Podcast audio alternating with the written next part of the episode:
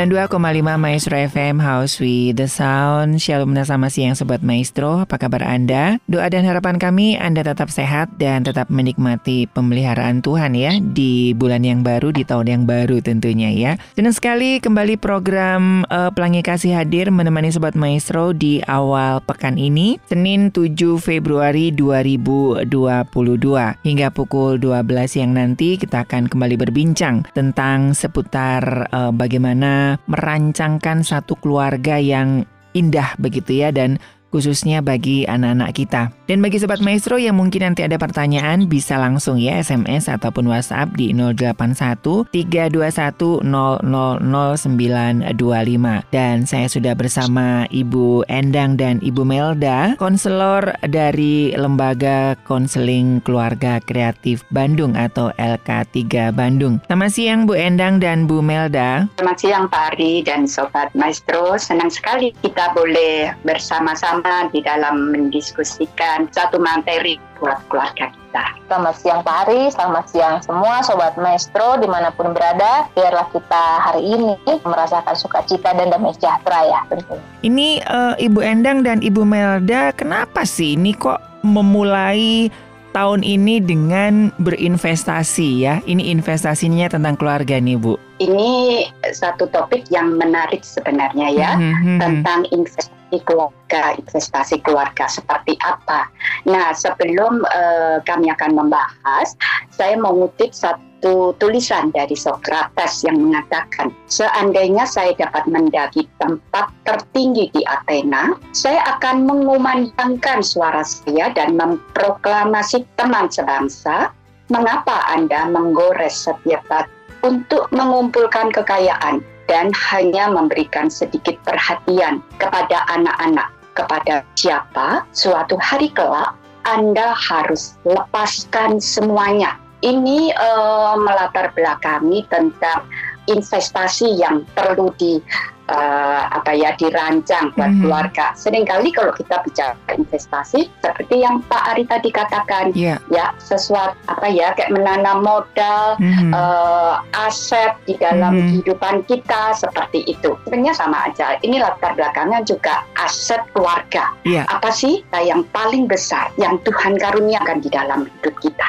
Hmm. Saya pribadi meyakini keluarga adalah aset terbesar yang Tuhan karuniakan setelah keselamatan di dalam Tuhan Yesus. Mm-hmm. Nah, nah, ini dari penelitian dengan kesadaran bahwa keluarga adalah uh, apa ya aset kekayaan yang paling besar, tetapi di dalam kesibukan orang zaman sekarang sering kali justru ini apa ya kurang mendapat perhatian ya karena mm-hmm. orang sama-sama sibuk untuk berinvestasi itu tadi yeah. harta yang uh, seperti Pak Ari katakan judulnya itu saya mati-matian bekerja untuk keluarga mm-hmm. yang saya kasih untuk mm-hmm. istri dan anak begitu ya. Yeah, iya. Tetapi yeah. alih-alih uh, anak-anak dan keluarga merasa dikasihi, justru warga khususnya anak-anak merasa ditinggalkan orang mm. tuanya yang sibuk mm-hmm. tadi yang mm-hmm. yang uh, mengatakan untuk keluarga tapi uh, kadang-kadang tuh ya Bu Endang kita tuh ya orang tua suka bilang ya tapi kan mereka butuh apa Uang. butuh dana yeah. untuk hidup gitu ya mm. ya artinya saya udah melakukan yang terbaik buat anak-anak saya karena bagaimana bisa saya harus mempersiapkan pendidikan, kesehatan, mungkin ya tempat yang nyaman. Ya itu bukti bahwa saya mengasihi anak-anak saya. Mm-hmm. Kadang kan beberapa uh, kita pun me- me- menyampaikan seperti itu Betul. dan merasa udah lakukan yang terbaik begitu mm -hmm. Benda. Mm -hmm. Ah, benar banget. Ya, pada umumnya begitu dan itu tidak salah menurut yeah. saya. Mm. Jadi kadang orang tua begitu concernnya ya kepada uh, keluarga kepada anak-anak ini dari penelitian ya dari buku mm-hmm. yang saya baca. Yeah. Jadi mereka mengikuti ini sesi-sesi parenting yang mengatakan misalnya uh, perlu perlu apa ya musik klasik untuk uh, meningkatkan uh, skill atau kemampuan akademis dan hmm. orang tua begitu concern dan itu tadi mencari uh, uang dan kemudian membelikan hal-hal yang fasilitas-fasilitas yang membangun buat anak-anak. Ya hmm. itu bukankah itu sesuatu motivasi yang baik. Baik banget. Betul ya, betul. ya itu baik sekali. Nah ini uh, tulisan yang saya dapatkan ini sebenarnya sudah artinya begini. Dari dari survei yang diadakan sekian tahun kemudian ternyata terungkap ada ketidakpuasan yang dialami oleh orang dewasa hmm. ya yang umur 18 hingga uh, 30-an gitu itu masa-masa hmm. produktif ya terhadap hidup mereka dan prestasi mereka dalam pekerjaan. Hmm. Mereka merasa tekanan yang menonjol telah menghasilkan gelombang pertama dari dewasa muda ini uh, bahkan mereka hampir mendebat, apa, mendekati depresi seperti yeah. itu. Mm-hmm. Jadi uh, mereka merasa ada sesuatu yang apa ya kayak kosong begitu yeah. ya tidak ada sesuatu mereka kemudian menyimpulkan tidak ada sesuatu yang dapat menggantikan kedudukan akan hubungan hmm. dan waktu di dalam keluarga. Uang itu memang penting ya dan memang uh, itu juga sangat berpengaruh begitu. Tetapi ada hal yang lebih value-nya lebih kekal lagi begitu ya. Soalnya kemarin itu saya ini lagi viral Bu anak-anak muda zaman sekarang tuh nyanyinya kan seperti yang kita tahu bahwa harta yang paling berharga adalah keluarga. Ini di, ini diplesetin Bu, harta yang paling berharga adalah dompet mama dan papa begitu. keluarga ya, ya, Bukan ya. lagi keluarga. Nah, mungkin mungkin ini bisa menjadikan satu sindiran yang ini kalau dipikir dipikir-pikir ya, mungkin ya uh, anak sudah tidak ada lagi respect terhadap kehadiran orang tua gitu kali ya Bu ya. Atau seperti apa nih Bu? Jadi dompet papa mama yang paling iya, penting ya. Dompet papa ya, mama itu yang paling berharga, bukan keluarga lagi Bu. Apalagi dengan iya. era-era sekarang kan anak dicekokin dengan kehidupan yang konsumtif dan serba iya. instan ya. dan glamor begitu Mudah. ya. Mm-hmm. Ya, ya. Ya, ya, makanya seperti yang saya bilang tadi, ini justru saat itu uh, saya juga pernah mengalami anak-anak masih kecil dan mm-hmm. kita mhm. nggak menyadari begitu ya. Tetapi dari uh, penelitian itu setelah diteliti sekian puluh tahun mhm. kemudian mm-hmm. ya anak-anak masa produktif mereka mengatakan ternyata itu tadi bahwa uh, akademis maupun kekayaan itu bukan sesuatu yang oh, mereka mengatakan bahwa lebih penting yang tadi dikatakan ya hubungan hmm. kualitas hubungan di dalam keluarga ya yeah. bahkan mereka dari penelitian mengatakan satu-satunya hal yang menghasilkan potensi intelektual tertinggi adalah hubungan yang aman hmm. dan saling percaya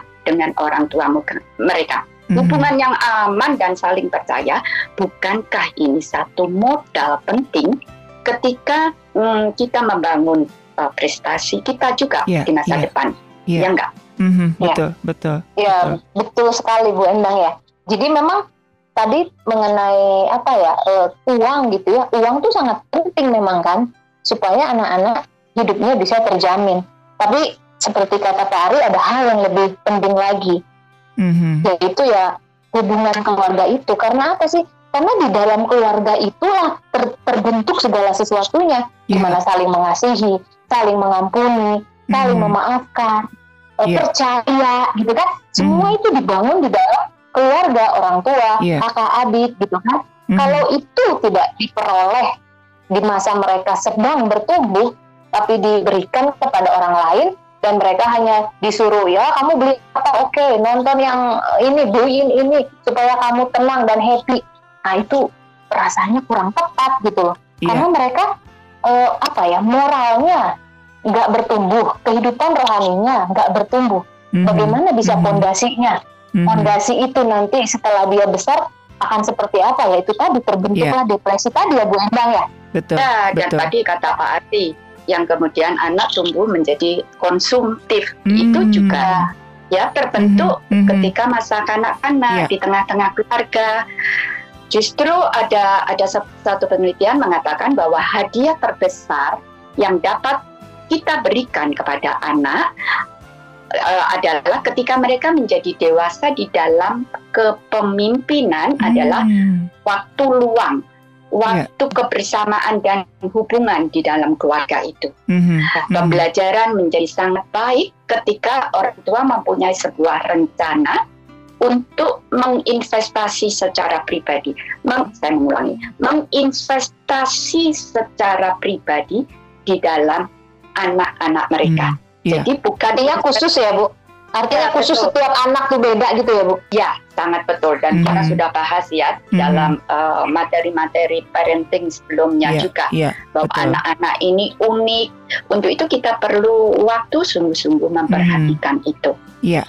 Saya setuju dengan apa yang disampaikan Ibu Endang ya dengan beberapa uh, penelitian yang disampaikan dan tema ini yang harus harus dibawa di garis bawah ini sobat maestro investasi. Artinya ini kan untuk jangka ke depannya ya Bu ya, tidak dinikmati saat hmm. itu ya. Seperti ya, seperti betul. Ibu Endang tadi katakan setelah 30 tahun orang rasa kok gua kosong banget ya, kok gua gini banget. Oh, ternyata nggak nggak ada investasi hubungan itu dengan waktu dengan keluarga itu baru kerasa kalau kita udah dewasa bu ya seperti saya aja ya. sekarang kerasanya sekarang bu ya, ya benar ya pak berarti ya, ya penelitian tadi yes, ya betul betul dampaknya betul. itu sekian tahun ya kita bicara investasi kan juga gitu kan pak betul betul investasi Nah, kita juga kita nggak bisa mati saat itu, mm-hmm. tapi sekian tahun kemudian. Yes. Yes, ya. yes, yes. Kita bisa lihat aja ya. Michael Jackson kurang apa begitu ya, tapi dia ngerasa kosong ya. banget.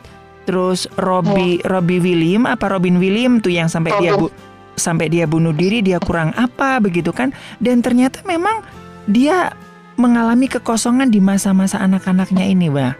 Ini ini sangat hmm. penting sekali nih sobat maestro ya dan ini bisa menjadi satu apa namanya ya uppercut gitu ya buat orang tua.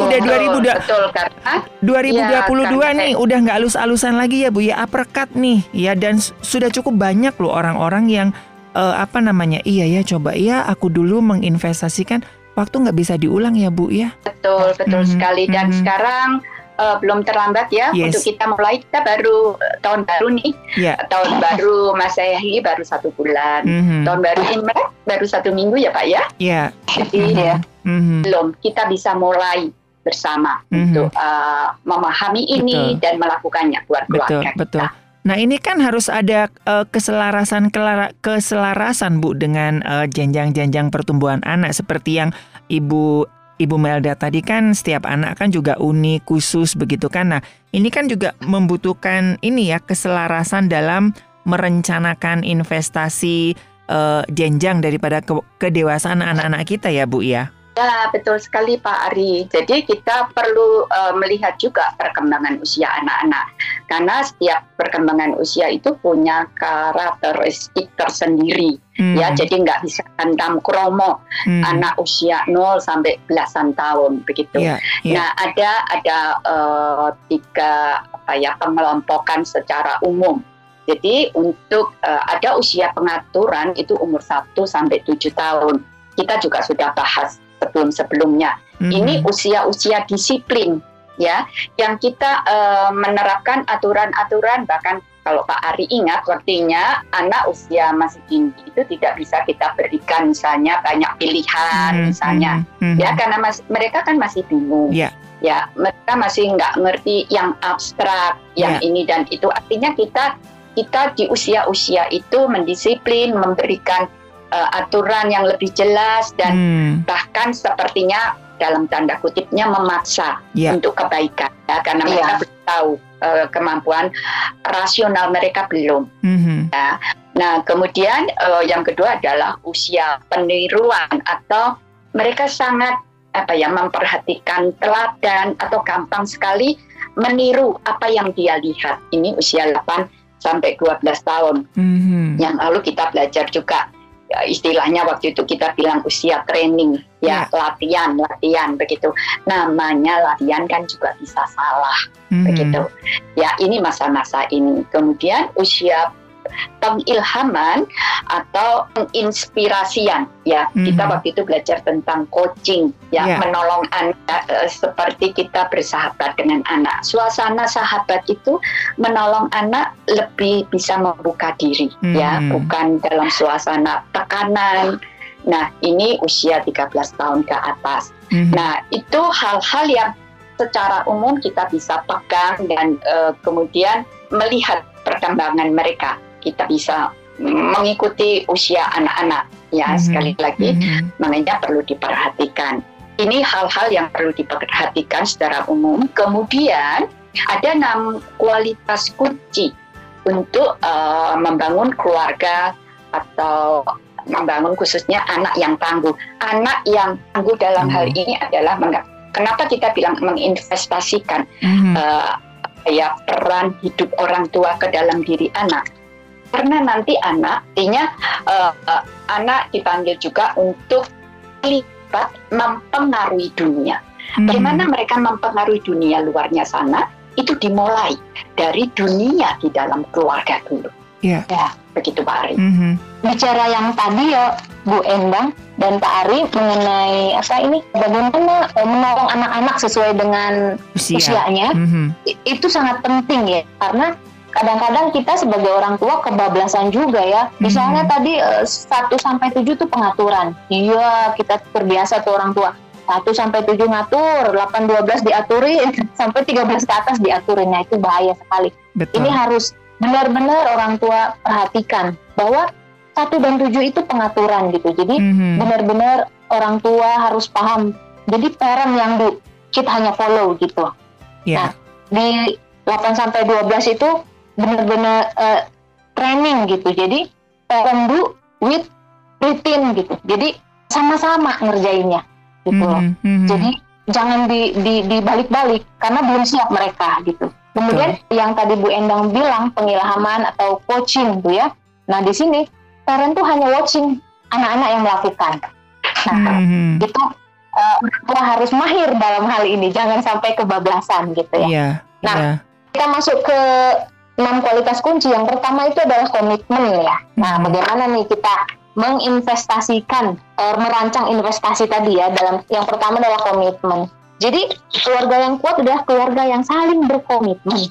Jadi mereka memiliki identitas dan kesatuan. Kita udah pernah pelajari juga ini. Betul. Juga kesadaran sebagai sebuah tim. Anak-anak melihat orang tua sebagai pemimpin yang melatih anggota keluarga ke dalam kerjasama. Jadi Bu Teresa pernah bilang tuh ya di tahun 1979. Mm-hmm. Apa yang dapat kita lakukan untuk mempromosikan perdamaian dunia? Jawabannya luar biasa. Jawabannya adalah pulang ke rumah dan kasihi keluarga. Wow. Ya, keren. Merinding bu saya bu. saya udah nggak punya ya. saya nggak udah nggak punya keluarga bu, nyesel.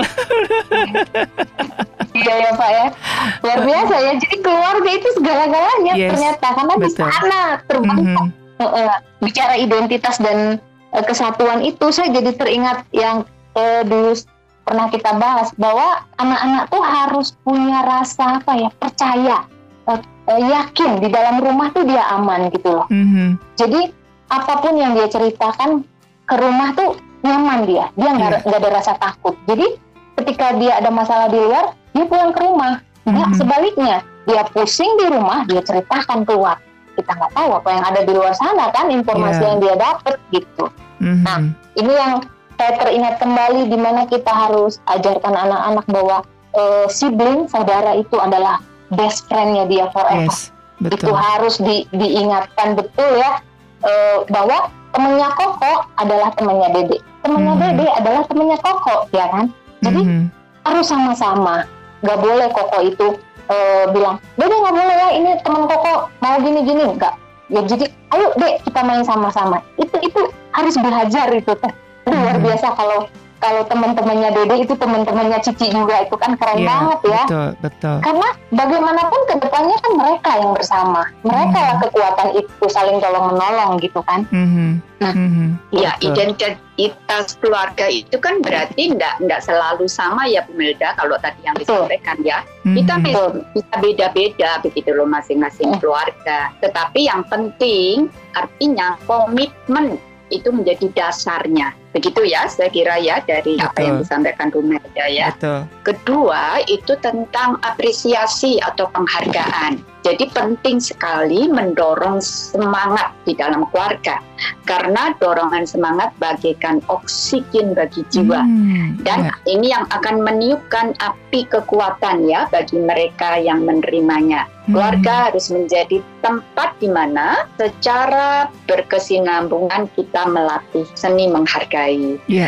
memberi dorongan semangat karena mereka ditetapkan untuk bersama-sama dengan kita dan kepada mereka lah kita memberi memberikan warisan itu. Mm-hmm. Ya, jadi ini penting tadi komitmen, kemudian apresiasi keluarga, keluarga kita. Ya, dengan keunikannya penting sekali untuk menumbuhkan penghargaan satu dengan yang hmm. lain. Ini tuh keren sekali loh Bu ya. Dorongan semangat itu bagaikan oksigen bagi jiwa dan meniupkan api kekuatan. Wow, ini amazing oh. banget. Ini yang ini yang kadang-kadang jarang dipahami oleh masing-masing anggota keluarga ya, Bu ya. Ya, betul. Mm-hmm. Ya. Uh, sebenarnya dorongan semangat, sebenarnya dorongan semangat ya Bu Endang bukan hanya anak-anak. Kita aja nih ya orang dewasa betul nggak sih bahwa kita sangat membutuhkan dorongan semangat dari orang orang-orang iya, terdekat iya, kita iya, atau orang-orang iya, bahkan or, orang orang tua juga membutuhkan itu loh ya. Saya kemarin ya. baca satu satu curhatan dari emak-emak begitu ya. Jadi ketika uh, apa namanya anaknya nanya, "Mama udah makan belum, Mama? Ayo makan bareng yuk." gitu.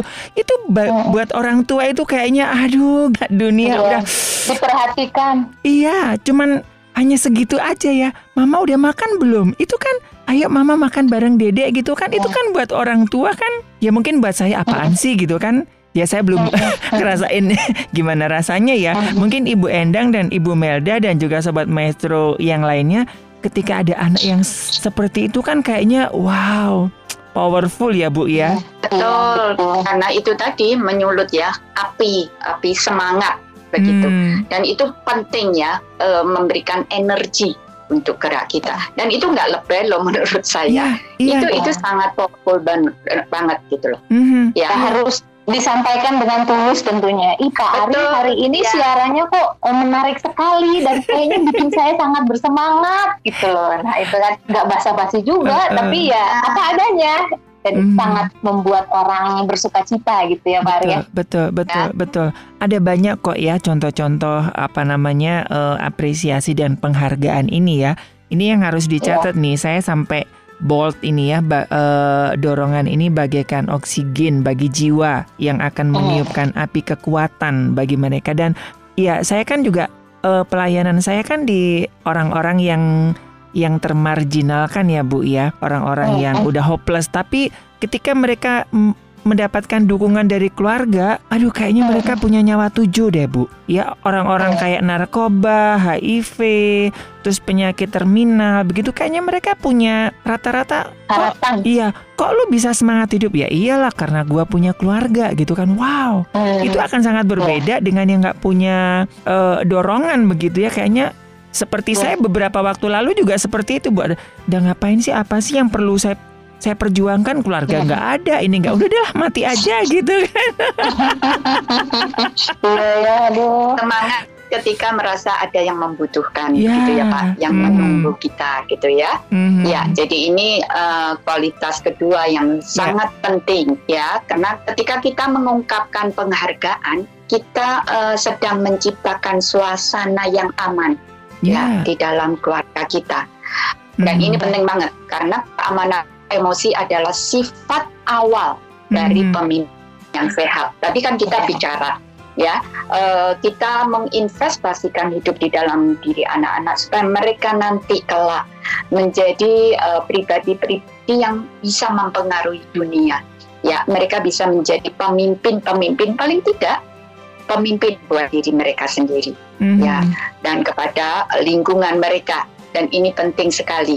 Ya, dikatakan bahwa uh, keamanan emosi, rasa aman secara emosi ini sifat awal dari pemimpin yang sehat ya mm-hmm. dan penghargaan kita seharusnya berdasarkan tadi Bu Melda katakan jujur, spesifik dan pribadi bukan bukan apa ya bukan kayak ada maunya mm-hmm. begitu loh. Kunci yang ketiga adalah waktu kebersamaan. Jadi ketika kita menyediakan waktu bersama anak-anak, mereka merasa penting dan dihargai. Ini akan menumbuhkan percaya diri mereka. Mereka hmm. mendapatkan kesempatan untuk lebih menyadari identitas mereka keluarga merupakan tempat terbaik untuk menemukan identitas anak-anak. Ya, jadi waktu kebersamaan. Kadang-kadang ini menjadi dilema juga ya. Jadi sebenarnya kualitas apa kuantitas gitu kan? Mm -hmm, mm -hmm, betul. Kadang jadi jadi satu tolak ukur juga.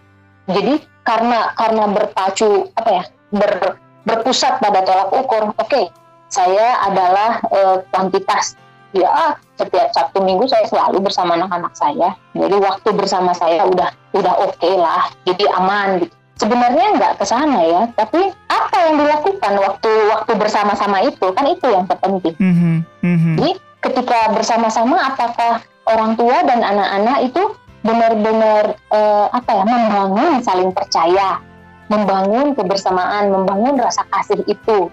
Yeah. Bukannya bersama-sama tapi ya bersama-sama aja anak main uh, Nintendo-nya, mama pegang IG-nya yeah. gitu kan.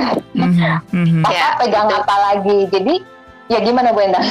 Ya, banyak sekarang juga yang mengatakan gitu bersama tapi tidak hadir begitu ya. ya. Yeah. Ya ada pengaruhnya ada atau tidak begitu ya. Sekarang kayak masa pandemi ini kan semua di rumah begitu ya. Yeah. Tetapi uh, kebersamaan itu tidak dinikmati bahwa uh, orang tua saya hadir, anak-anak ada dengan saya.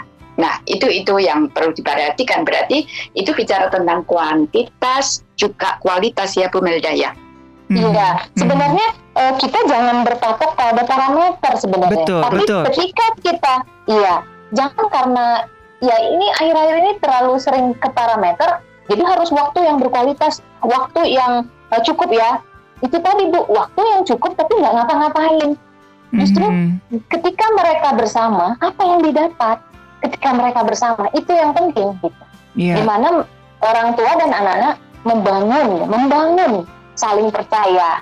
Apa yang mereka lakukan bercerita, cerita tentang kegagalan, e, keberhasilan, apa ya, mm-hmm.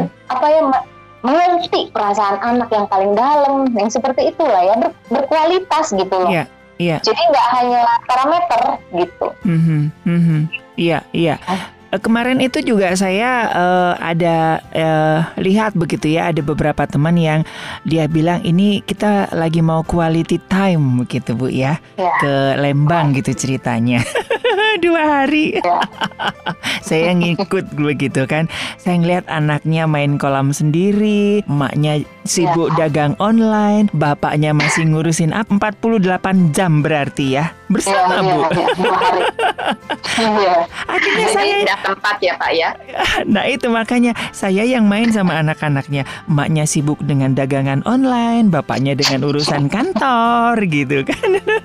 Iya, iya. Tadi ada menyinggung juga ya, ada ada masanya senang atau berhasil, ada juga kegagalan begitu. Hmm. Jadi sebenarnya uh, secara umum anak-anak juga punya musim di dalam kehidupannya mereka. Ya, betul. ya ada ada masa merasa mereka sangat membutuhkan uh, waktu kita lebih daripada waktu yang lain.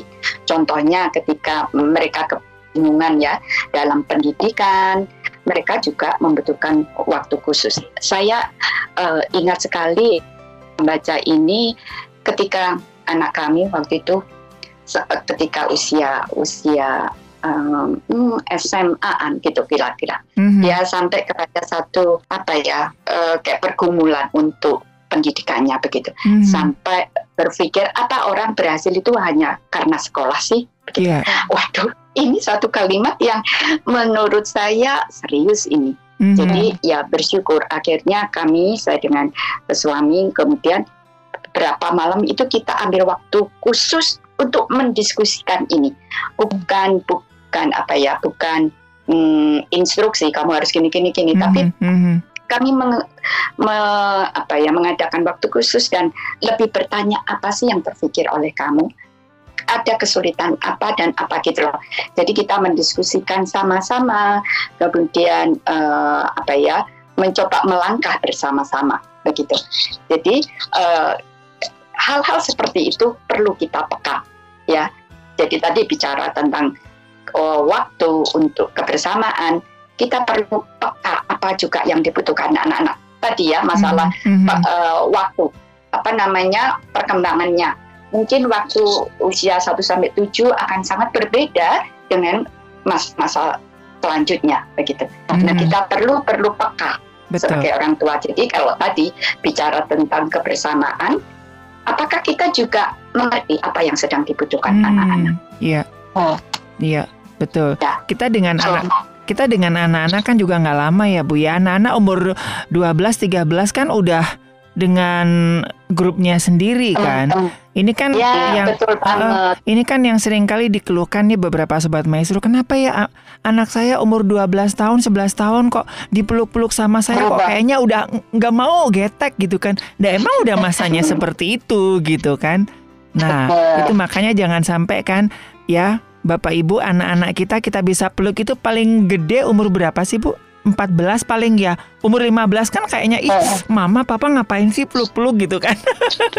Malu ya mereka udah malu. Mm-mm, juga tergantung bahasa kasih mereka ya sebenarnya mm, ya. hal-hal itu kan mm, juga perlu diperhatikan. Betul jadi betul. perhatikan bahwa uh, mungkin saja kita nggak akan uh, satu masa kalau kita nggak peka itu nggak akan pernah kita yeah. dapatkan lagi. Yes mm-hmm. betul. Sayang kasihan banget ya. Jadi jadi uh, apa namanya investasi kita telat ya, yang lainnya udah udah udah ini kita baru ya nggak ada kata terlambat Mulai. sih, tapi nanti harganya akan terlalu mahal begitu ya Bu ya. Yes, betul ya. betul sekali. Ya itu kan juga bicara bahwa kita bicara investasi itu kan momen itu penting ya. Iya. Ya nggak? Iya, betul. Bicara momen. Iya. Ketika momen itu kita nggak ambil karena sepertinya beresiko, ya sudah lewat gitu. Iya, uh-huh. iya, iya. Jadi kayak inget uh, apa ya kemarin itu ada seorang uh, apa namanya pakar anak begitu. Jadi anak itu seperti kerang begitu. Kalau dia udah kebuka terus kita nggak ambil kesempatan dia akan tutup selamanya. Jadi akhirnya kita congkel-congkel akhirnya mati kerangnya. Nah sama kan iya, ketika iya. anak-anak di usia-usia dia jendelanya kebuka, kitanya nggak ambil kesempatan itu, itu biasanya anak akan tertutup selamanya begitu dan kita akan susah. Ya. Kenapa sih nggak mau ngomong sama mama? Kenapa sih? Nah dulu waktunya oh. terbuka, jendelanya kebuka, kita acuhkan. Sekarang tertutup kita ya. congkel-congkel kan. Ini yang banyak ya. terjadi ya Bu ya. Betul, itu ya orang tua perlu banget belajar ya. Mm -hmm. Jadi ya, tetap bukan hanya anak yang sedang belajar, orang tua pun belajar ya. ya Begitu ya. masuk pernikahan, punya anak, mulai di situlah pembelajaran yang luar biasa itu. Hmm, iya, iya. Ya, kemudian kualitas selanjutnya, kualitas keempat adalah tentang komunikasi. Ya, hmm. orang tua perlu menjadi teladan dalam berkomunikasi yang baik bagi anak-anak. Jadi bukan sekedar yang penting bicara, uh, hati-hati juga apa yang kita komunikasikan. Mm-hmm. Ya, biasanya kalau banyak kan orang tua lebih instruksi kan saya ngobrol gitu ya tapi mm-hmm. kayak yang suruh-suruh begitu mm-hmm. nah anak-anak ini sangat mengamati dan belajar berkomunikasi dari komunikasi orang tuanya oh, loh iya. ya komunikasi antara ayah dan ibu nah sering kali kan sejujurnya ya ibu Melda dengan pasangan ya. kita ngobrol pokoknya yang ngikutin hati kita gitu kita nggak memperhatikan anak-anak sedang belajar di situ. Mm-hmm. Ya, jadi sangat penting juga uh, ini saya bahas juga ketika kita belajar karakter. Yang pertama uh, juga daripada relasi kita dengan pasangan. Anak-anak mm-hmm. melihat itu sebenarnya. Mm-hmm. Ya, dan uh, penting juga bahwa sebagai seorang pemimpin atau kita sedang mendidik seorang pemimpin bahwa pemimpin yang baik itu selalu berkomunikasi baik verbal hmm. melalui kata-kata yeah. atau melalui gestur kita, melalui sikap hidup kita itu yang non verbalnya. Jadi uh, penting sekali kita menjadikan rumah kita sebagai tempat yang aman, di mana komunikasi mengambil tempat secara teratur. Ya, itu hmm. kualitas hmm. keempat. Nah, pernah ada buku juga yang mengatakan ya Bu Endang, apa sih sebenarnya kebutuhan emosi dari anak-anak kita itu di rumah?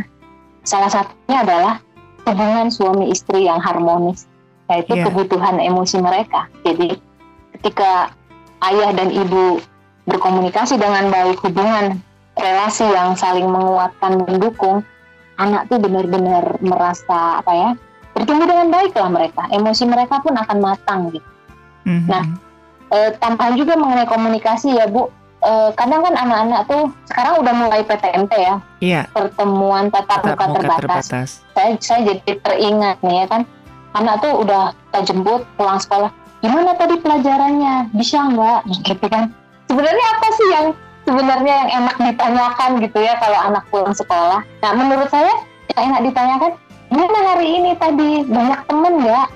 E, kamu hari ini bahagia nggak ketemu teman-teman kayaknya lebih lebih enak itunya deh yang dibahas daripada bisa nggak tadi pelajarannya tadi e, pelajaran pelajaran mathnya diisi semua nggak ya, hmm. daripada begitu kan iya yeah. komunikasi ya komunikasi komunikasinya lebih enak yang menyenangkan dia gitu loh. Mm-hmm. Jadi dia pun senang bercerita, oh ya nih tadi aku dibantu sama temenku, pensilku putus, aku nggak bawa serutan, terus dibantuin, ih baik banget ya temennya. Iya, terus nanti kalau kamu uh, ada mas uh, teman kamu ada masalah, mau nggak bantuin teman? Mau dong, aku senang yeah. bantu. Nah kayak gitu kan, mm-hmm. itu kan komunikasi yang lebih lebih hangat gitu, lebih membangun. Yeah. Seperti itu. Iya. Yeah. Emang ini memang emang membutuhkan skill ya kan beberapa ya. beberapa waktu lalu itu ada kejadian bu jadi anak sampai nggak berani pulang begitu karena dia dengar uh, orang tuanya bilang apa sih ya nanti kalau dapat nilai tujuh nggak usah pulang. Akhirnya anak itu dapat dapat nilai di bawah tujuh bu. Akhirnya nggak pulang bu. Akhirnya dia kecelakaan begitu. Ketika ditanya iya ketika ditanya kan aku nilai ulanganku jelek jadi takut pulang kan mama papa bilang kalau nilainya jelek saya nggak boleh pulang. Aduh kasihan ya. Itu kan miris banget, banget. iya kan gitu. Nah uh Jadi seperti ya, Ibu, ya, ya. Ibu Endang dan Ibu Melda ini sangat penting ya. Jadi omongan orang tua itu buat anak-anak ya mungkin buat orang tua mungkin nggak mungkin lah. Tapi kan buat anak itu kan kayaknya udah jadi kayak sabda sabda pendeta ratu ya, ya. gitu ya, sabda Tuhan gitu ya. Betul hmm. sekali Pak. Mm-hmm. Betul sekali. Bukan bukan ke anak-anak aja loh Pak, orang tua juga perlu kan ya. Mm-hmm. Artinya ketika kita bicara tentang apa yang menyenangkan lawan bicara kita, itu jauh sebenarnya message kita jauh akan lebih sampai. Yeah, Saya betul. jadi ingat uh, satu satu prinsip yang kita sempat bahas waktu itu uh, bangun koneksi sebelum mengkoreksi. Koreksi, yes. Ya, itu hmm. penting sekali. Jadi koneksi itu perlu dibangun. Yang membuat jembatan tadi, saya uh, menggarisbawahi kata-kata Bu Melda. Apa yang menyenangkan anak, masuklah hmm. dari sana. Hmm. Itu pintunya, gitu. Yang ya. selanjutnya, yang kelima nih, keahlian meniru. Jadi keluarga yang kuat adalah pakar dalam masalah meniru. Orang tua membangun anak-anak untuk melihat hal positif di dalam krisis hmm. bersikap luas, memunculkan kekuatan rohani dan komunikasi, dan mendapatkan bantuan dari para sahabat serta ahli kalau memang diperlukan ya. Jadi hmm. keluarga yang sehat menghadapi masalah bersama. Mereka bukan saja menghadapi masalah, tapi memanfaatkannya sebagai sarana belajar bagi anak-anak. Jadi penting menjadi pribadi yang resilient, bertahan dalam menghadapi masalah dan menyelesaikannya. Jadi ya itu tadi kita udah bahas di depan, orang tua pun harus uh, belajar untuk menceritakan kegagalannya mm-hmm. uh, apa yang udah udah terjadi mungkin di di kantor atau dengan relasinya uh, hari ini hmm, papa mungkin uh, mudah marah nih terus uh, jadinya ke bawah ke rumah jadi kamu tadi mami eh, papa marahin padahal harusnya kamu gak dimarahin misalnya mm-hmm. seperti itu mm-hmm. karena papa ada masalah maaf mm-hmm. ya misalnya mm-hmm. begitu mm-hmm. atau keberhasilan berhasil apa yang kita lakukan. Uh, tadi mama yang mempertahankan melakukan yang baik. Tadi kan mami uh, jualan tuh ya. terus uh, orang yang belinya tuh aduh rese banget ya nyebelin pokoknya nggak pengen lah ini tapi mamanya tetap layani akhirnya dia seneng eh malah uh, seminggu kemudian dia belanja lagi. Katanya seneng belanja di, di tempat kita gitu misalnya hmm. gitu. Jadi uh, anak-anak tuh melihat itu gitu. Nanti ketika dia dewasa dia akan meniru sikap seperti itu.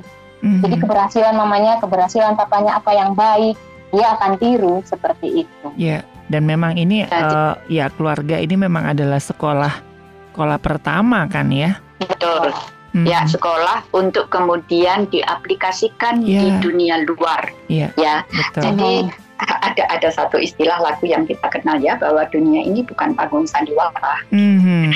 Jadi dunia ini um, artinya melalui keluarga anak-anak sedang disiapkan untuk mereka ditolong dalam menghadapi dunia nyata. Iya, ya, betul. Betul. Antara lain bahwa bukan sesuatu yang terus berhasil loh, begitu. Ya, ya seperti mm-hmm. tadi Bu Melda sampaikan, bahwa mereka juga uh, perlu ditolong untuk belajar bagaimana bertahan dalam menghadapi masalah dan menyelesaikannya.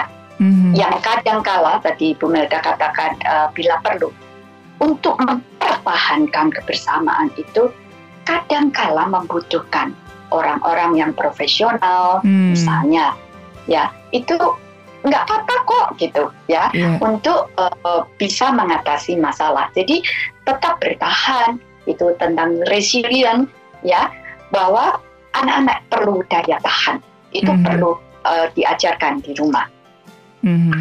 Betul. Nah, betul. Jadi orang tua nggak boleh yang mudah menyerah gitu ya dan mereka akan melihat ya bagaimana orang tuanya menghadapi masalah berat kecil mereka akan melihat meniru banget mereka mm-hmm. sangat sangat meniru Betul. kalau papa mamanya ada masalah terus misalnya pundung putus asa gitu aduh mm-hmm. mereka akan lihat itu iya. mereka akan lihat banget sebaiknya diceritakan ya jadi anak-anak juga aduh maaf ya ini mama papa lagi nggak bisa diganggu lagi ada masalah ya kasih ya, itu ya. itu lebih fair ya bu ya daripada ngapain ya. kayak gitu kan bingung deh bingung kok tiba-tiba ya gitu ya mm-hmm. uh, yeah. jadi itu masalah bukan sesuatu yang perlu dihindari gitu loh betul, dihadapi betul. dan anak-anak dibantu dan ya. mungkin sama-sama kita ajak berdoa ya papa punya masalah papa perlu bantuan doa mama dan juga kamu koko cici dan sebagainya ya yuk mm-hmm. kita doain yuk papa punya punya masalah yeah. nah Ya, itu keren banget loh. Iya. Nanti dia someday dia akan berlaku seperti itu. Ini memperkuat identitas keluarga ya, yang tadi Bu Melda singgung ya. Betul. Keluarga betul. yang bersama-sama, ya keluarga yang melibatkan Tuhan di dalam kesulitan dan ini sangat terkait mm-hmm. dengan kualitas mm-hmm. yang keenam mm-hmm. tentang yeah. kesehatan rohani. Yeah. Jadi iklim kerohanian di dalam keluarga akan menyiapkan suasana bagi anak dan semua anggota keluarga untuk mengembangkan hati yang baik, belajar mempercayai Tuhan akan membangun iman mereka. Ya, membangun iman satu, kedua juga akan memperbesar kasih mereka bagi mm-hmm. orang lain, juga menumbuhkan kerendahan hati, mm-hmm. ya dan uh, melihat apa ya visi di masa depan. Jadi penting sekali seperti yang tadi Bu Milda singgung, ketika anak-anak melihat orang tuanya berdoa, mereka akan menyaksikan satu sikap ketundukan ya kepada otoritas yang paling tinggi yaitu Tuhan. Dan mereka belajar untuk menghormati otoritas di dalam hidupnya. Ya, anak-anak akan belajar oh orang tua ini tunduk kepada Tuhan dan itu penting banget ya dan ketika anak-anak melihat orang tua berdoa mereka akan uh, apa ya melihat me, melihat suasana yang lebih aman begitu loh mm-hmm. bahwa ada ada uh, pribadi yang kita bisa andalkan dalam masalah apa pun mm-hmm. dan salah satu uh, pembelajaran juga yang anak-anak belajar di sini akan belajar untuk menumbuhkan uh, apa mengembangkan hubungan sejati dengan Tuhan ya karena kesadaran bahwa orang tua itu tidak akan selalu ada bersama iya. mereka. Mm-hmm. Ya, anak-anak akan belajar untuk menggantungkan hidupnya kepada Tuhan dan ini sangat penting ya bahwa uh, dalam kondisi apa pun Tuhan ada bersama mereka dan Tuhan selalu uh, bersedia mendengarkan mereka Nah, ini mm-hmm. ini ini mm-hmm. kali yeah. lagi sesuatu yang sangat penting yang perlu dibangun di dalam diri anak-anak dan ini mengajarkan tentang uh, nilai-nilai kekal yang tidak terpengaruh oleh waktu dan keadaan. Mm-hmm. Ya, mm-hmm. dan melalui uh, nilai-nilai tersebut mereka dapat mengevaluasi betul, karakter betul, mereka. Betul. Ya. Da, dan ini tuh harus apa namanya? benar-benar dijadikan uh, sesuatu yang serius ya Bu ya jangan hanya sebagai apa ya rutinitas kan kadang-kadang ada orang tua yang ketika anaknya ada butuh ini butuh itu ya ya doa dulu ya kita doa ya oh. tapi teh cuman hanya sekedar ngomong begitu Bu itu hanya untuk menunda jawaban oh iya atau tidak gitu ya betul jangan sampai ya cuman basa-basi iya, atau baca, rutinitas iya iya anak juga bisa merasakan kok iya, gitu. Iya, iya gitu kan. Jadi ada beberapa anak-anak ah ah ngomong sama mama sama papa paling jawabannya doa ya, doa dulu ya gitu. Jadi sesuatu yang uh, apa ya value-nya itu apa namanya? Ya, ya. Yang tinggi akhirnya nggak ada apa-apanya jadi kayak ya, ya. kayak basa-basi ya. ya seperti Bu Endang tadi ya. ya. Jadi Tuhan tuh hanya untuk meminta gitu ya mhm, istilahnya ya. Mm -hmm. Apa yang lu butuh ya minta ke Tuhan jadi mm-hmm. makanya saya tuh sama anak saya kadang ada satu uh, beberapa hari di mana kita berdoa nggak minta apa-apa ya. Mm-hmm. Kita berdoa benar-benar bersyukur, bersyukur atas apa aja yang kamu rasain ya nggak boleh minta apa apa ya mm-hmm. hanya bersyukur oke okay? nah, kita mm-hmm. kita suka doa kayak gitu tuh janjian jadi dia paham bahwa Tuhan tuh bukan hanya tempat untuk minta-minta kok gitu yeah. dia itu udah sangat luar biasa banyak Betul. sekali yang bisa kita syukuri. Nah, seperti itu juga Betul. bisa kita ajarin ya ke anak-anak. Betul. Nah ada satu keluarga ya dan mungkin juga ada sobat-sobat maestro yang mungkin niatnya bagus ya ketika ada anak gini ya udah lu minta sama Tuhan dong gitu. Doa sama Tuhan. Jangan sama mama sama papa gitu kan jadi. Nah itu kira-kira gimana ya Bu? Ya saya kan belum belum punya anak ya gitu. apakah itu hanya sebagai pengalihan isu Ya, berarti harus lihat konteks ya Pak. Mm-hmm. Uh, kalimat itu disampaikan dalam hal apa ya? Kalau memang itu dihidupi di dalam kehidupan mereka, mengajarkan bergantung kepada Tuhan itu penting, okay, itu yeah, bagus, yeah. begitu loh.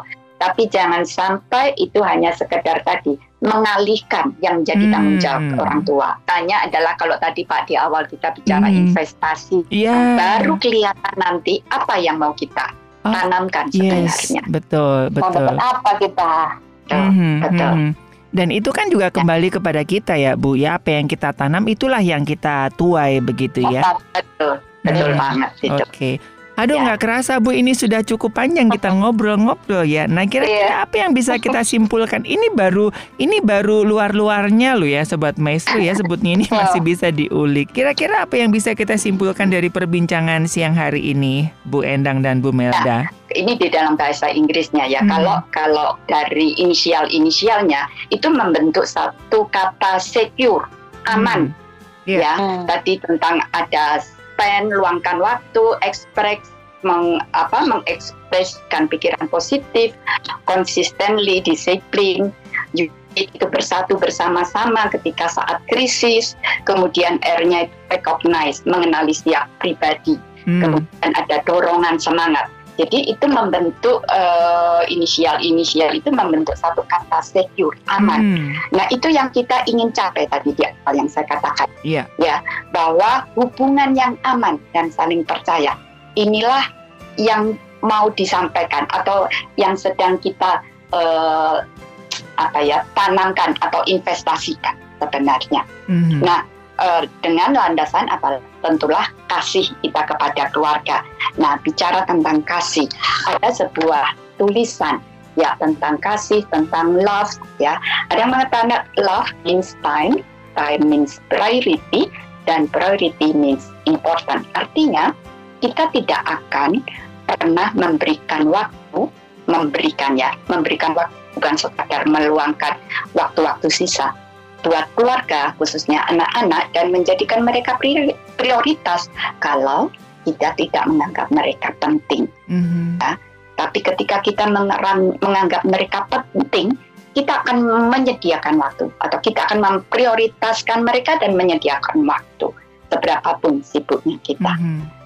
Nah, okay. di dalam uh, Lukas 12 ayat 34 mengatakan, di mana hartamu berada, di situ juga hatimu berada. Pertanyaannya buat kita orang tua, seberapa pentingkah anak-anak buat Anda?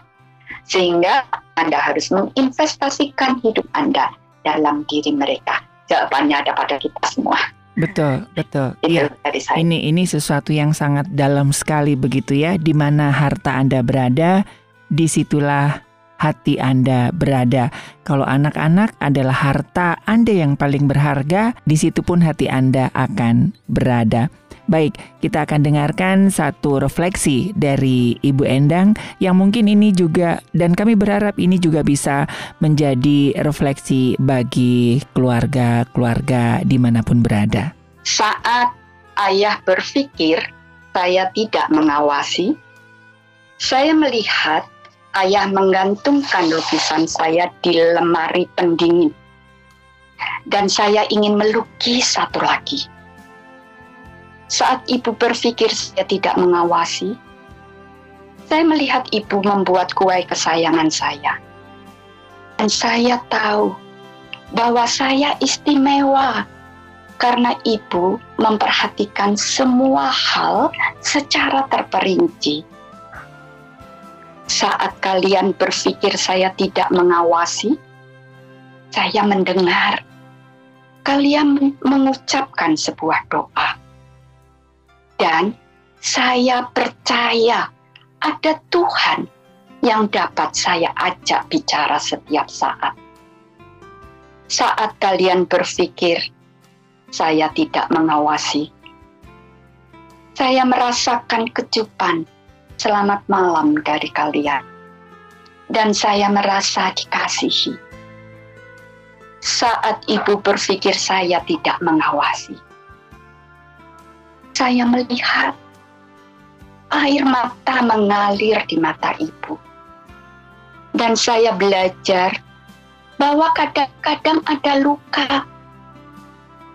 Tapi tidak apa-apa jika hendak menangis. Saat kalian berpikir saya tidak mengawasi, saya melihat perhatian kalian. Dan saya ingin menjadi segala sesuatu yang dapat saya raih.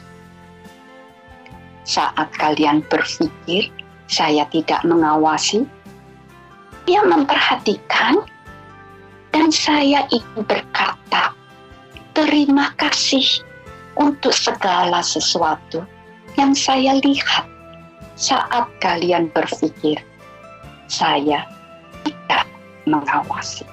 Iya, sebuah refleksi yang indah sekali yang mungkin kadang-kadang kita sebagai orang tua menganggap bahwa anak nggak tahu apa-apa tentang kita dan keluarga. Baik, sekali lagi Ibu Endang dan Ibu Melda, terima kasih buat siang hari ini sudah menginspirasi kami semuanya. Ya, terima kasih Pak Ari, terima kasih semua Sobat Maestro. Semoga pembahasan kita hari ini bisa menjadi berkah ya. Ya, terima kasih Pak Aris, terima kasih Sobat Maestro, Tuhan memberkati kita semua. Iya, baik Sobat Maestro dari Gerah Maestro Jalan Kaca Piring 12 Bandung, saya Ari, juga Ibu Endang dan Ibu Melda dari Lembaga Konseling Keluarga Kreatif Bandung atau LK3 Bandung, mengundurkan diri, kita akan ketemu lagi di program Pelangi Kasih selanjutnya. Selamat siang, tetap jaga protokoler kesehatan dan Tuhan memberkati.